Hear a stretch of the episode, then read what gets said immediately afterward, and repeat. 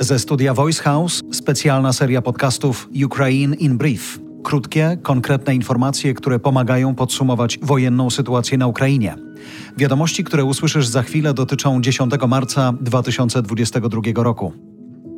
Waszyngton pozbawia Ukrainę złudzeń. Strefa zakazu lotów nad korytarzami humanitarnymi umożliwiającymi ewakuację ludności zostrzeliwanych przez Rosję ukraińskich miast mogłaby doprowadzić do eskalacji konfliktu i wojny USA z Rosją. Jak mówi rzeczniczka Białego Domu, ustanowienie takiej strefy, to cytat, wymagałoby zestrzelenia każdego rosyjskiego samolotu, który wleciałby w wyznaczoną strefę. Wojna z Rosją nie jest czymś, czego chce prezydent Biden, mówi Biały Dom.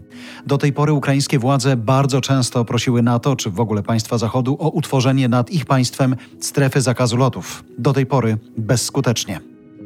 Amerykanie przeniosą do Polski dwie baterie systemów obrony przeciwrakietowej Patriot. Ich rozmieszczenie ma przeciwdziałać jakimkolwiek potencjalnym zagrożeniom dla sił USA i sojuszników oraz terytorium NATO, informuje Pentagon.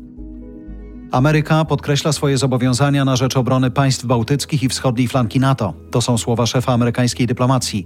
Mówił o tym na konferencji prasowej w stolicy Łotwy, Rydze. Straciliśmy również wszelkie złudzenia dotyczące ewentualnej zmiany polityki Rosji Putina. Koniec cytatu.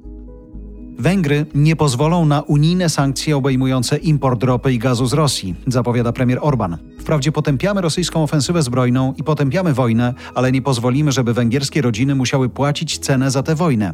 A zatem sankcje nie mogą zostać rozszerzone na taki obszar jak ropa i gaz. Koniec cytatu z Orbana.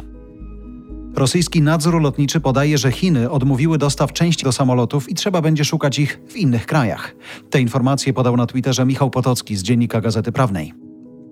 Prezydent Rosji dołączył do bardzo wąskiego grona despotów objętych sankcjami takich jak Kim Jong-un, Bashar al-Assad i Aleksandr Łukaszenka, ogłosił Departament Skarbu USA. Sankcjami objęci zostali także szef MSZ Siergiej Ławrow, szef MON Siergiej Szojgu i Państwowy Rosyjski Fundusz Inwestycji Bezpośrednich.